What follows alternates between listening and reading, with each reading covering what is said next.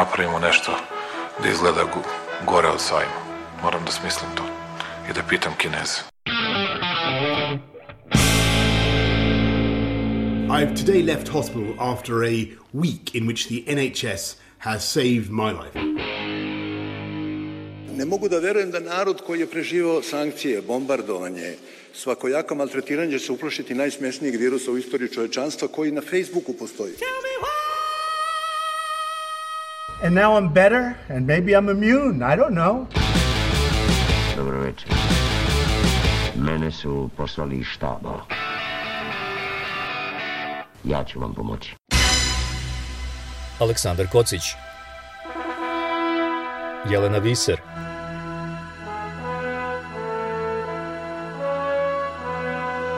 Radio Karantin Hronika istorije u nastajanju Dobrodošli u novo izdanje Radio Karantina. Sa vama su Jelena Fiser i Aleksandar Kocić. Pandemija traje već godinu i po dana, mi skoro isto toliko. Ako vam se sviđa ovaj podcast, ostavite nam ocenu ili komentar na platformi na kojoj ste nas našli. Tako ćete moći i drugima da saznaju za nas. A naš rad inače u potpunosti zavisi od vaših donacija. Svaka pomoć i ona najmanja znači nam puno. Možete nas podržati stalnom, mesečnom ili godišnjom donacijom na Patreonu ili jednokratnom uplatom Paypalom. Linkovi za uplate su na našem sajtu radiokarantin.eu.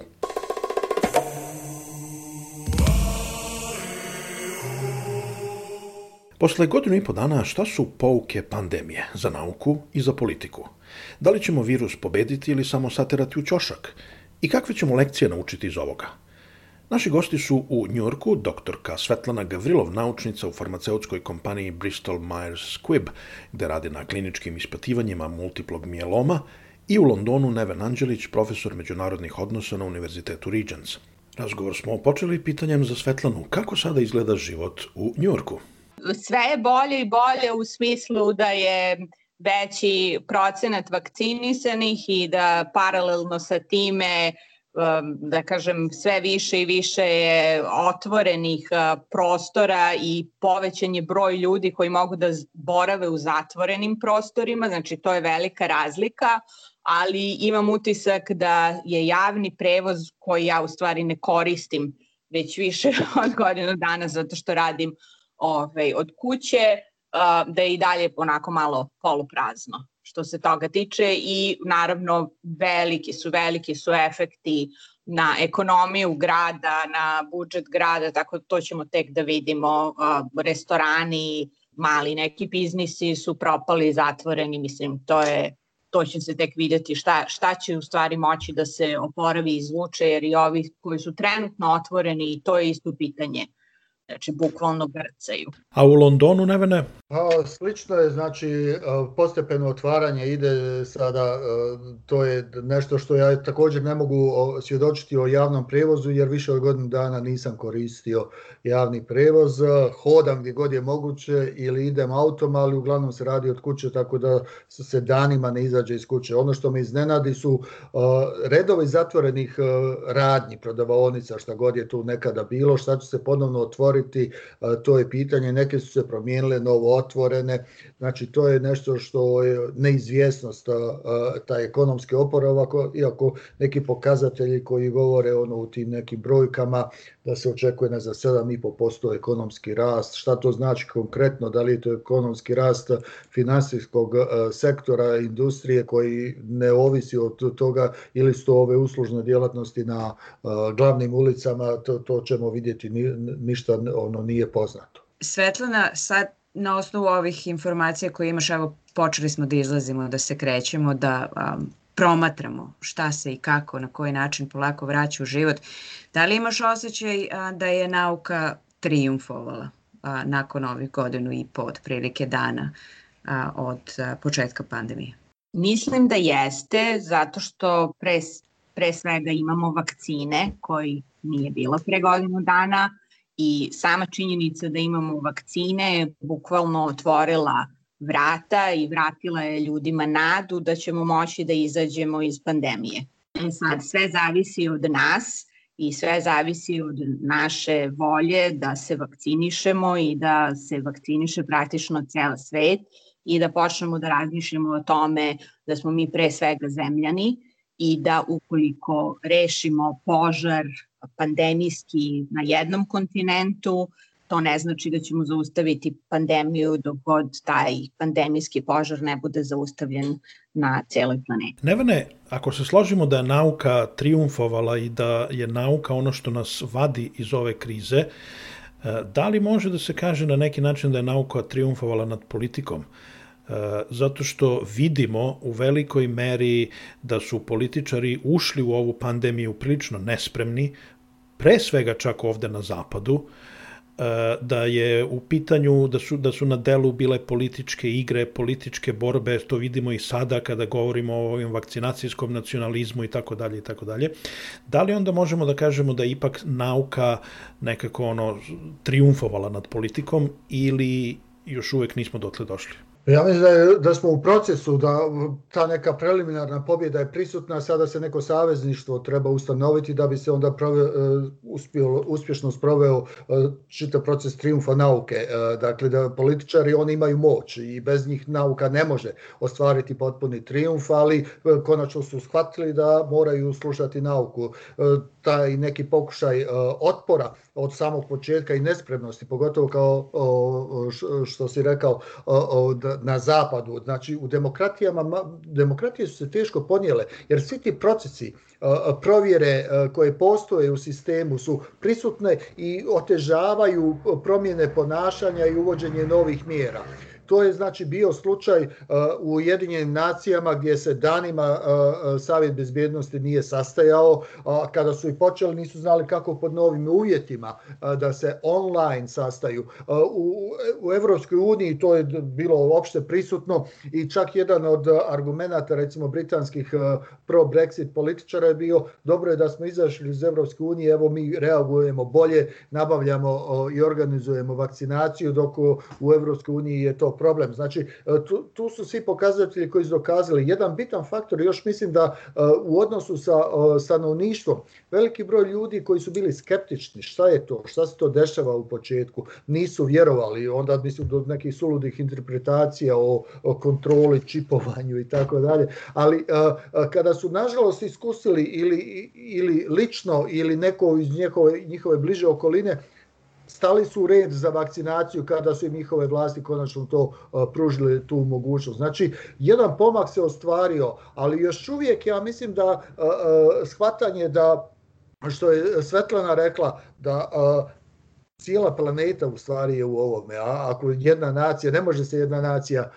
spasiti bez spasa cijele planete. Šta smo u političkom smislu naučili iz ove pandemije, Nevene? Pa mislim, naučili smo da kao i u svim kriznim situacijama da manje demokratski e, sistemi e, reaguju bolje znači gdje je moć odlučivanja u manjoj grupi ljudi, u jednom čovjeku, oni mogu reagovati donositi odluke. To je, nažalost, znači ja mislim da će se kriza liberalne demokratije produbiti kada se izađe napokon iz pandemije. Već su izazovi prisutni, a sada ćemo imati još dodatne konkretne pokazatelje. Da, s druge strane, moguća je drugačija interpretacija.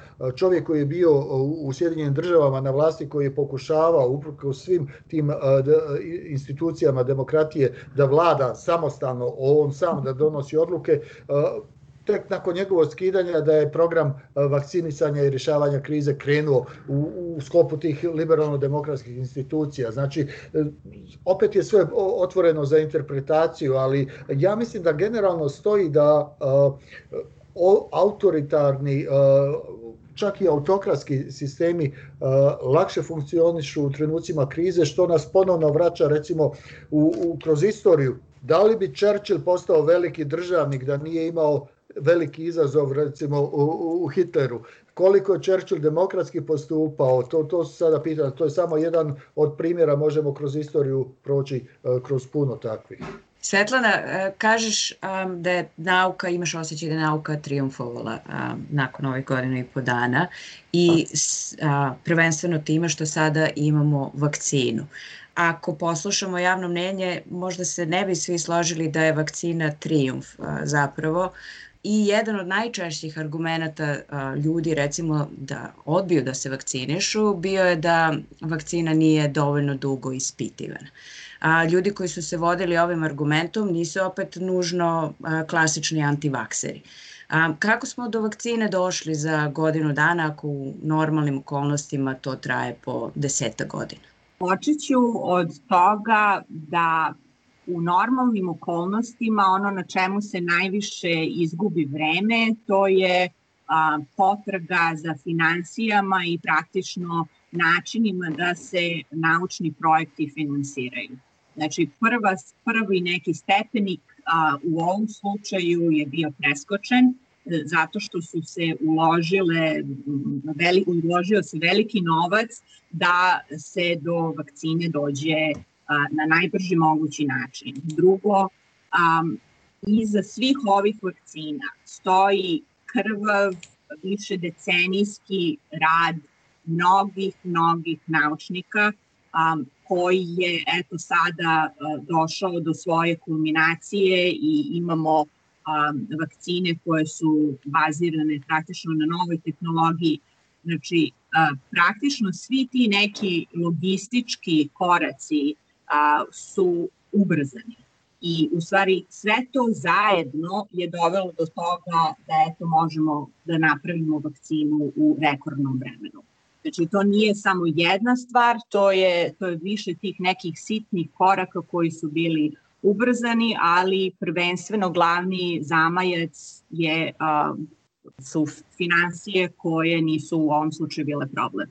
Jer ono što se dešava u nauci, to je da a, naročito akademski naučnici moraju stalno da se prijavljuju za, za nove grantove, da bi nastavili istraživanje i stalno moraju da objašnjavaju zašto je to na čemu oni rade važno. Nekada se ovi projekti, nažalost, nađu u vrlo nezavidnoj situaciji, a to je da para za nastavak istraživanja više nema i onda je praktično a, ceo taj proces a, produžen, iscepkan i tako dalje. Znači, to je, to je po meni glavni, glavni razlog a to ljudi koji se ne bave naukom jednostavno ne vide. A i sad, Svetlana, e, ovih, evo još juče slušam na radiju e, lekara iz Indije koji apeluje e, da se što brže sprovede u delo ova inicijativa da se suspenduju patenti na vakcine.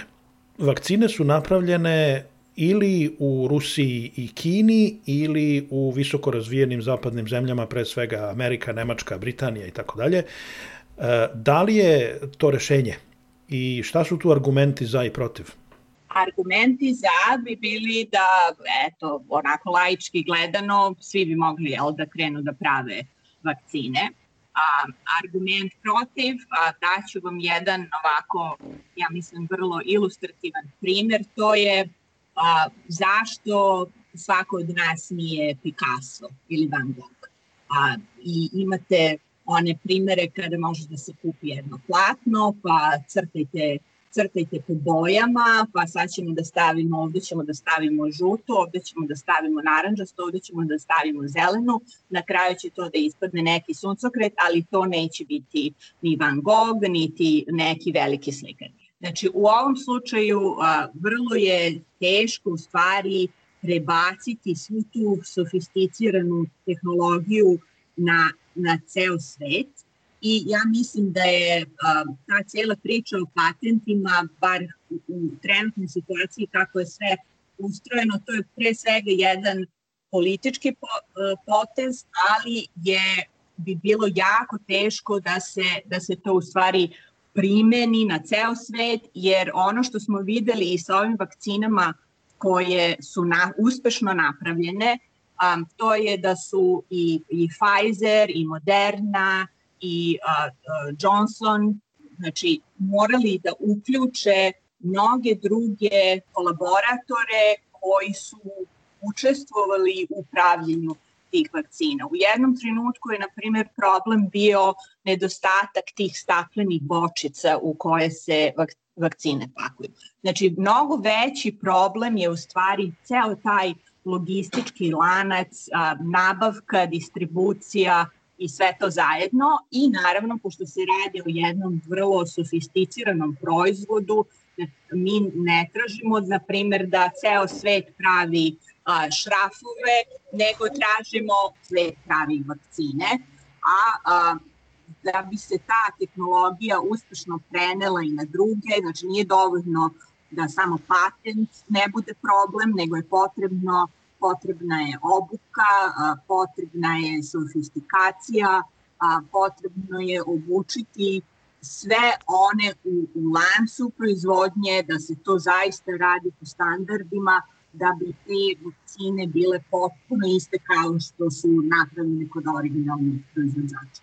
I da se nadovežem na to, Nevene, vidimo sada da je Indija u velikoj krizi i ako se to nastavi zaoštri, da li postoji mogućnost da dođe do onda pomera, velikih pomeranja stanovništva, do nereda, do ozbiljnijih problema u smislu održivosti svetskog mira, jer e, trenutno ono što vidimo to je velika, velika razlika između toga kako vakcinacija teče u razvijenom svetu i u nerazvijenom svetu. Sada konkretan slučaj Indije bi bio rizičniji zbog same veličine, zbog broja, zbog populacije, a također i zbog pristupa atomskom oružju.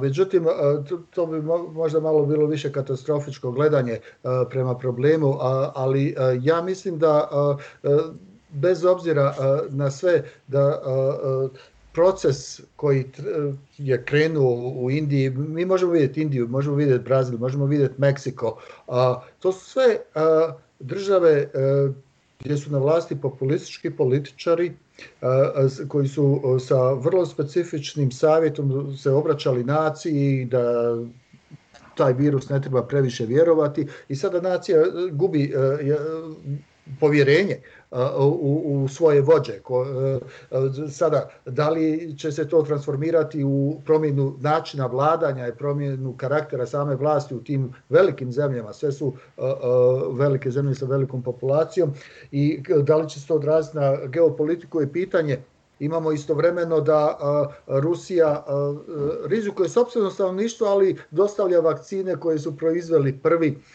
o drugim zemljama. Znači ta neka diplomatija, geopolitika je važnija od zdravlja nacije kod kuće. Znači to se može odraziti da ljudi koji prođu kroz vrlo teške periode ili im porodice prođu kroz vrlo teške periode će uskratiti sljedećom prilikom podršku vodstvu u sobstvenoj državi. E, kako će se sve to odraziti na e, globalnom planu. E, ja mislim da sad neko jedinstvo je na zapadu moguće, koji je još uvijek dominantno geopolitički savez i da, da, da sada se ta neka, neki odnos istoka i zapada uravnotežava što se tiče odnosa u, u recimo u Evropi.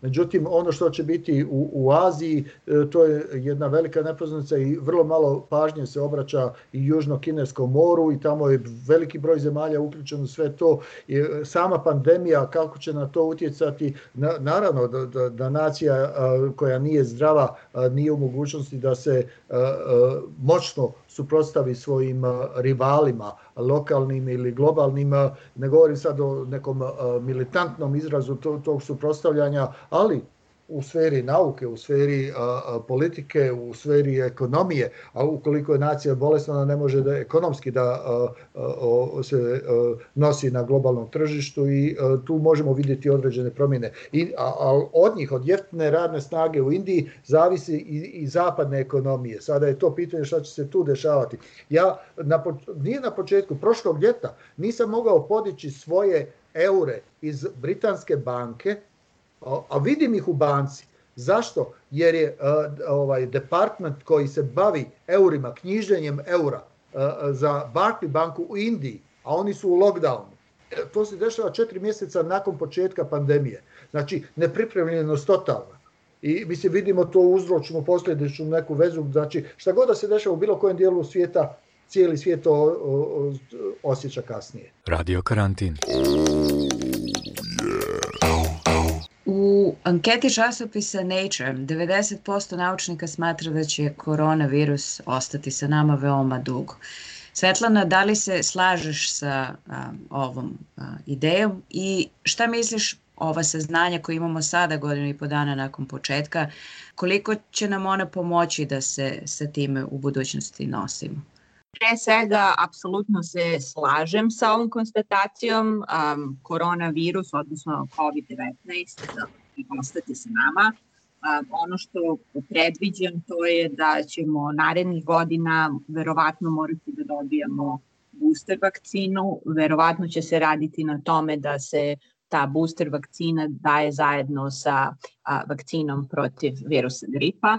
A, pored a, ovog COVID-19 vrlo je moguće da će se pojaviti neki slični i drugi a, oblici koronavirusa kao što smo već imali a, slučajeve u prošlosti i nadam se da će u stvari cela ova a, vest o, o a, interakcijama sa, sa tim virusnim svetom naterati ljude zemljene, da tako kažem, da u nauku mnogo više ulažu i da sledeću pandemiju ne dočekaju ovoliko nestane.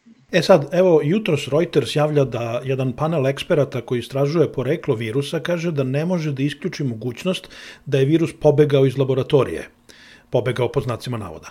Da li je uopšte bitno dakle je virus došao i šta nam to govori zapravo o nemoći nauke pred politikom, s obzirom da znači godinu i po dana nakon izbijanja pandemije naučnici još uvijek ne mogu da utvrde, a ne mogu da utvrde iz političkih razloga, jer im kinezi ne daju pristup svemu što bi hteli da vide, kako je do svega ovoga došlo ili zapravo nije ni bitno kako je došlo?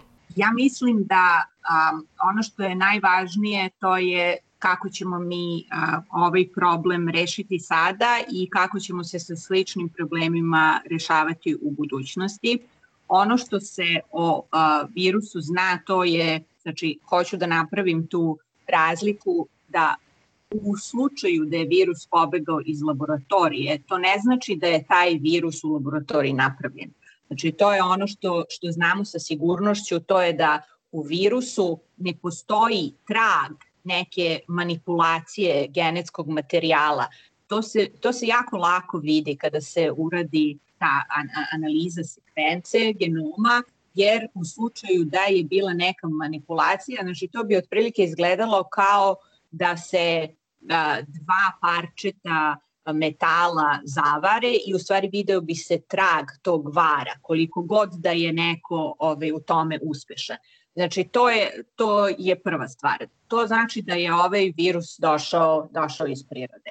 E sad, da li je taj virus izolovan u prirodi, pa um, proučavan u laboratoriji, pa ev eventualno pobegao iz laboratorije na taj način, naravno postoji mogućnost, ali ono što je jako bitno to je da budemo svesni da samom, samim narušavanjem tog biodiverziteta u svetu, znači sa sa ovim a, megalomanskim projektima, sa uništavanjem šuma, sa betoniranjem svega i svačega. Mi u stvari stalno narušavamo i, i biljni i životinski svet, a isto tako parazitski, viruse, bakterije i onog trenutka kada a, virus ostane bez um, svog um, prirodnog domaćina, on će tražiti sve moguće načine da tog domaćina promeni. Znači, u budućnosti možemo da očekujemo, ukoliko se ne dozovemo pameti, da će se ovakve stvari dešavati ponovno.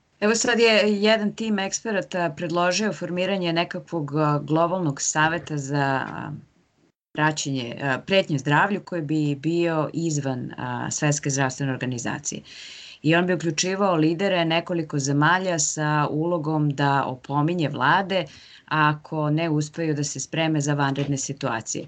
Nevene, imaju li ovakve inicijative ikakve šanse za uspeh? Ja mislim da je problem ono što smo doživjeli isto, kroz istoriju čovečanstva što je doživjelo recimo od kasnih 70-ih kroz 80-te kraj hladnog rata, šta je tome prethodilo?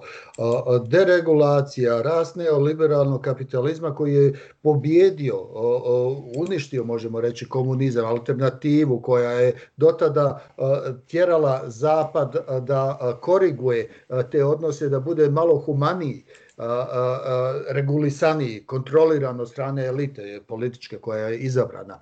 I, i, i dolazi, potom dolazi do eksplozije, mogućnosti, snage globalizacije nikad ovoliko jake nisu bile kao sada. Globalizacija uvijek postojala, ali ovakav domet nije postojao. Znači šta god se bilo gdje dešava, utječe na apsolutno svakoga. I sada imamo problem da svjetske vlade ili ne mogu ili ne žele da stave pod kontrolu recimo internet. Nema regulacije interneta šta je dozvoljeno, šta nije. Jer to ne bi bilo dobro za biznis. Ne bi bilo dobro za ideju slobode govora.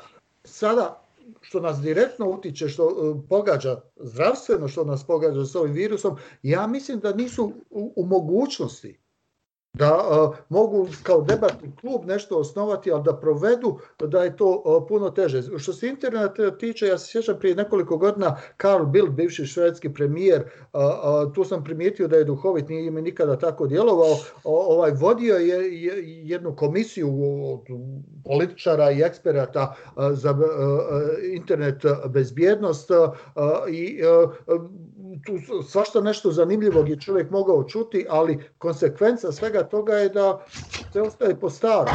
Na kraju krajeva, kada je Trump bio, kada su mu zabranili pristup nekim društvenim mrežama, to nije bilo odluka nekog savjeta državnog ili međudržavnog. To je privatna kompanija odlučila.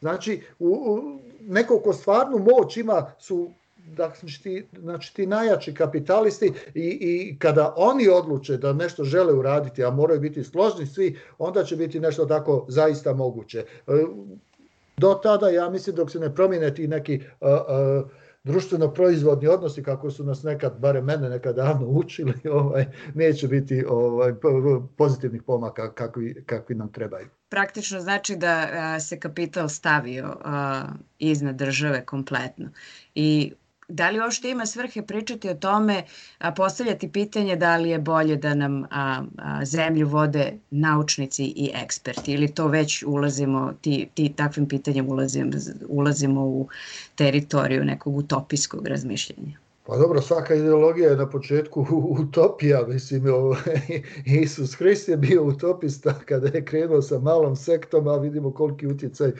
će imati koje stoljeće kasnije, ovaj, ili o, o, o, Muhamed ili bilo koji od ovih e, glavnih o, e, proroka. Međutim, ono što imamo, da zaista kada pogledamo recimo veličinu, ekonomsku moć, snagu vodećih zemalja, mi tu imamo da ja mislim na 14. mjestu već počinju privatne firme, odnosno multinacionalne korporacije da se pojavljuju. Znači većina zemalja koje sjede u Ujedinjenim nacijama, koje navodno odlučuju i teoretski su jednakopravne sa vodećim silama, su male, su, su pigmeji, ekonomski pigmeji u, u, prema, u pogledima prema tim multinacionalnim kompanijama. Kada pogledamo ratovanje u Iraku tokom intervencije Amerikanaca na svakog jedno i po 1,5 vojnika američkih je bio jedan privatni kontraktor Znači, privatizacija, čak ono u definiciji države šta je, da je to jedina e, ljudska agencija sa monopolom, legitimnim e,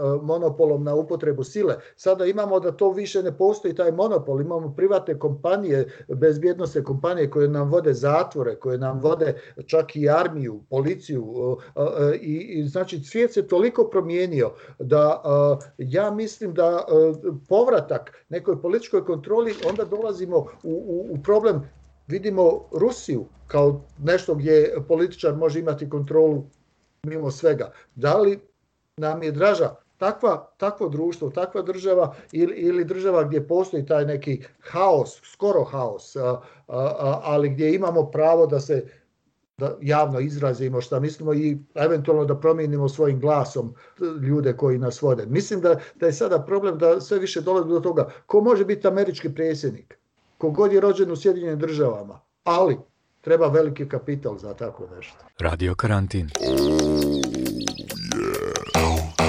Bio je ovo prvi deo razgovora sa Svetlanom Gavrilov i Nevenom Anđelićem. Nastavak već sutra. Čujemo se.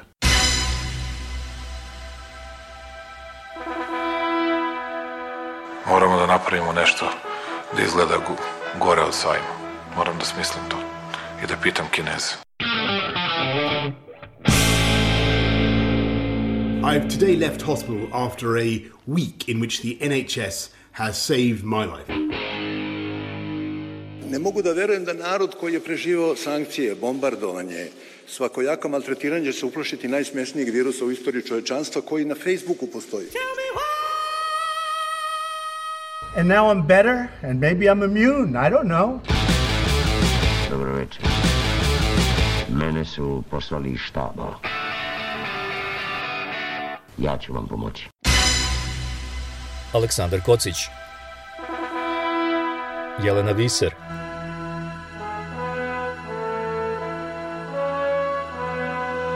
Radio Karantin. Hronika istorije u nastajanju